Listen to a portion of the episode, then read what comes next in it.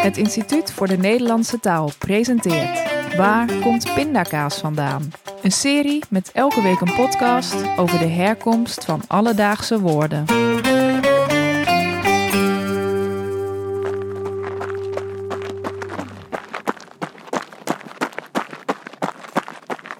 Je staat vast niet altijd stil bij de woorden voor de kledingstukken die je dagelijks aantrekt.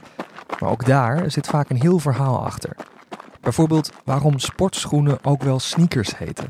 Of wat een smoking te maken heeft met roken.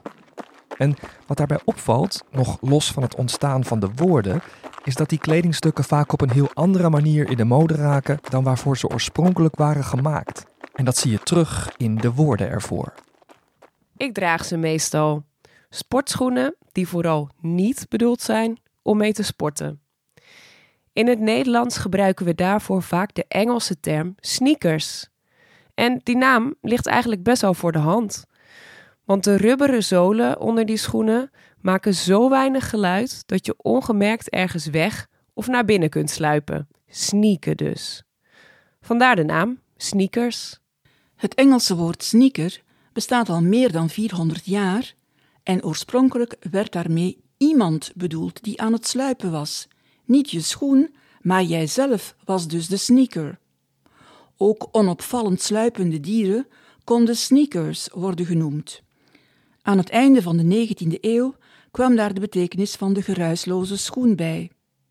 In Amerika werd de sneaker voor het eerst massaal geproduceerd, waarna ze al snel Europa bereikte, inclusief de naam. In eerste instantie werden de schoenen dus echt als sportschoen gebruikt. Maar vanaf de jaren 50 raakte het in de mode om sneakers ook in het dagelijks leven te dragen. Dat was ook de tijd waarin in Nederland nog een ander soort sneaker populair werd: de bordeelsluiper. Dat is de bijnaam voor een suède herenschoen met een zool van crêpe. Dat is een bepaald type korrelig rubber, meestal van het merk Clarks. Zulke bordeelsluipers waren in de jaren 50 en 60 in trek bij vooral Amsterdamse en Haagse jongeren, de zogenaamde pleiners en de kikkers. Taalkundige Mark de Koster vermoedt dat de schoen zijn naam, net als de sneaker, dankt aan het feit dat hij geen lawaai maakt, maar dat hij blijkbaar ook vaak gedragen werd door pooiers. Als je wel eens naar een gala bent geweest en een man bent, heb je waarschijnlijk ook een smoking gedragen.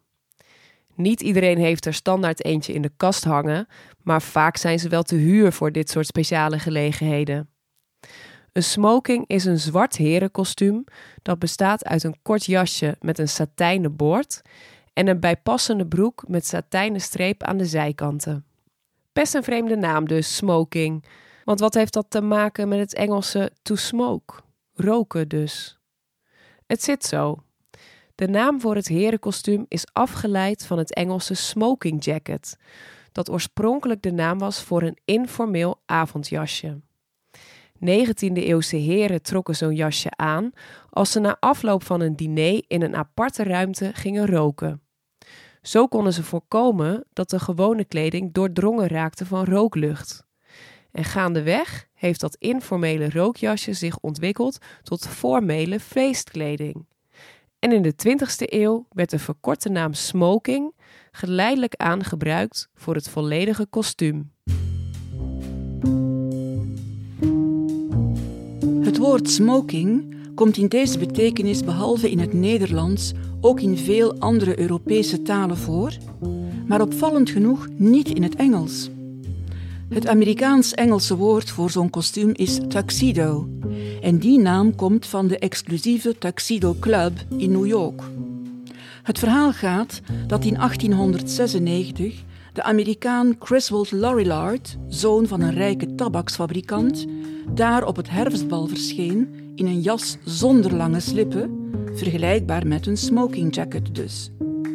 Dat zorgde voor veel ophef, omdat het rockkostuum met zo'n lange slippenjas op het bal de voorgeschreven kleding was. Lorillard bleek een trendsetter, want na dit incident werd de tuxedo, de smoking dus, enorm populair.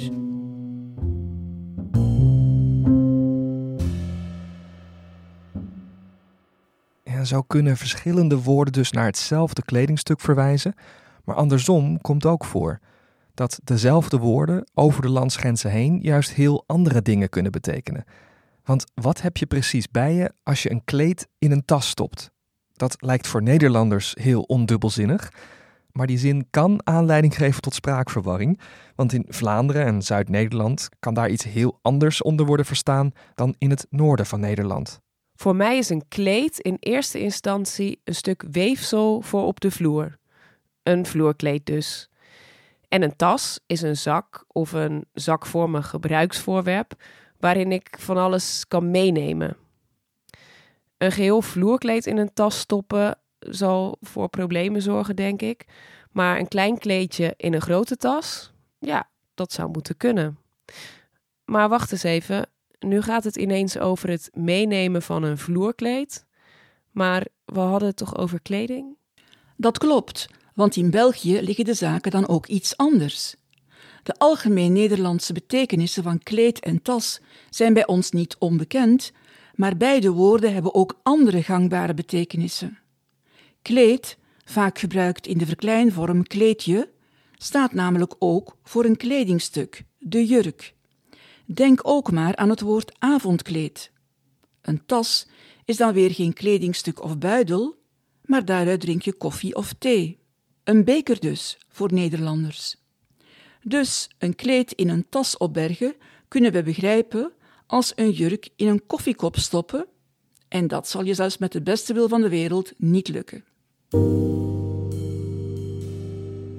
En nu hebben we nog één laatste interessant woord voor een kledingstuk dat we allemaal in de kast hebben liggen: het t-shirt. In de verschillende Engelse taalgebieden wordt met het woord shirt niet altijd hetzelfde bedoeld. Shirt betekent daar vaak bijvoorbeeld wat wij overhemd noemen. Een t-shirt daarentegen is eerder een onderhemd.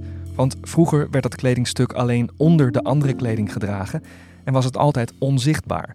Het werd echt beschouwd als ondergoed. Zelfs een klein stukje daarvan aan de buitenwereld laten zien werd als onfatsoenlijk beschouwd. Laat staan dat je er verder niets overheen aantrok, wat pas halverwege de 20e eeuw met t-shirts gebeurde. Langzaam werd het acceptabel en zelfs modieus om zonder iets daaroverheen de straat op te gaan. En het woord t-shirt, dat schrijf je altijd met een hoofdletter T, want het is de vorm van die letter die lijkt op de vorm van het shirt. En nog een leuk weetje over het woord shirt. Dat heeft namelijk te maken met het woord schort. Je weet wel, dat ding dat je in de keuken draagt om je kleren te beschermen tegen vetspetters en andere vlekken. Schorten worden al eeuwen gedragen door onder andere schilders, timmerlieden en mannen en vrouwen die de oogst binnenhaalden. Eind 17e eeuw droegen werkmannen en vakwerklieden lange schorten.